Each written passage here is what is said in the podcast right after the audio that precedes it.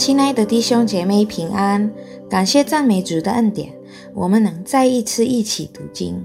在今天的门徒灵修取自于读经运动，我们要一起读诗篇第三十六章。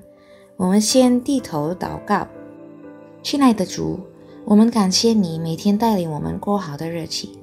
我们今天来你的面前，一起审视你的话，求主将圣经中的真理赐给我们。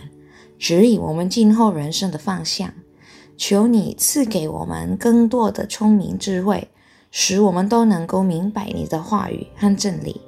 奉主耶稣基督的名祷告，阿门。不要倒背末世。身为信徒，请想象，你人生中经历什么刑法是最严厉的呢？是不是被革出教门？被开除出教会，对我而言，信徒经历最重的惩罚乃是被任凭，意思是说被上帝所漠视，上帝不管不顾。值得注意，诗篇三十六篇以四节为开始，这四节跟接下来的六节完全相反，就是二人与上帝做对比。或者二人古怪的性格与上帝关爱的属性做比较，两者犹如彻底不同世界。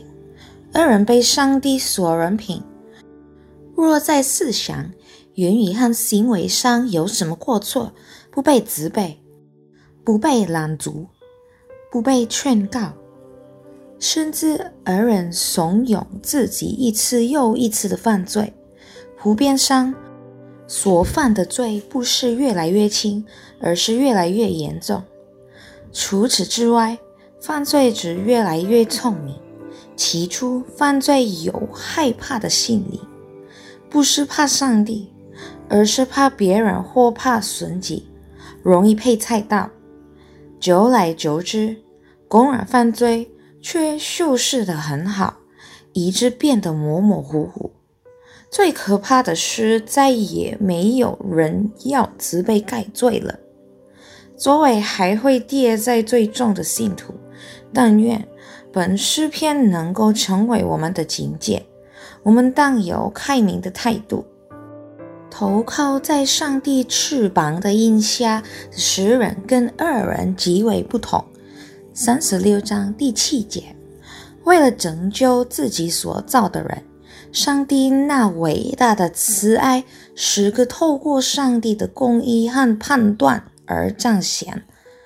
上帝将不会抛弃他的儿女。本篇的第八节，为了认识上帝的慈爱，大卫给我们所要做的分一点提示，也就是来自赐福源头本身的吃与喝。主耶稣说。你们要先求他的国和他的义，这些东西都要嫁给你们了。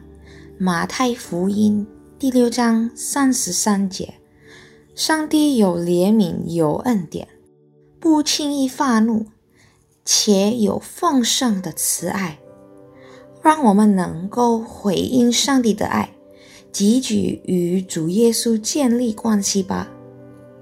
我们一起低头祷告。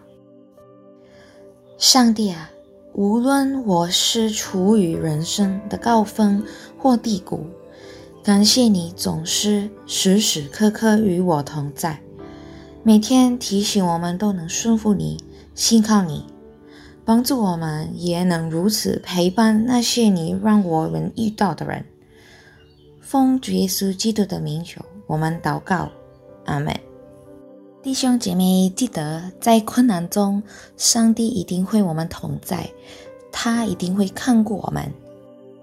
祝你们能快快乐乐的过这个星期，再见。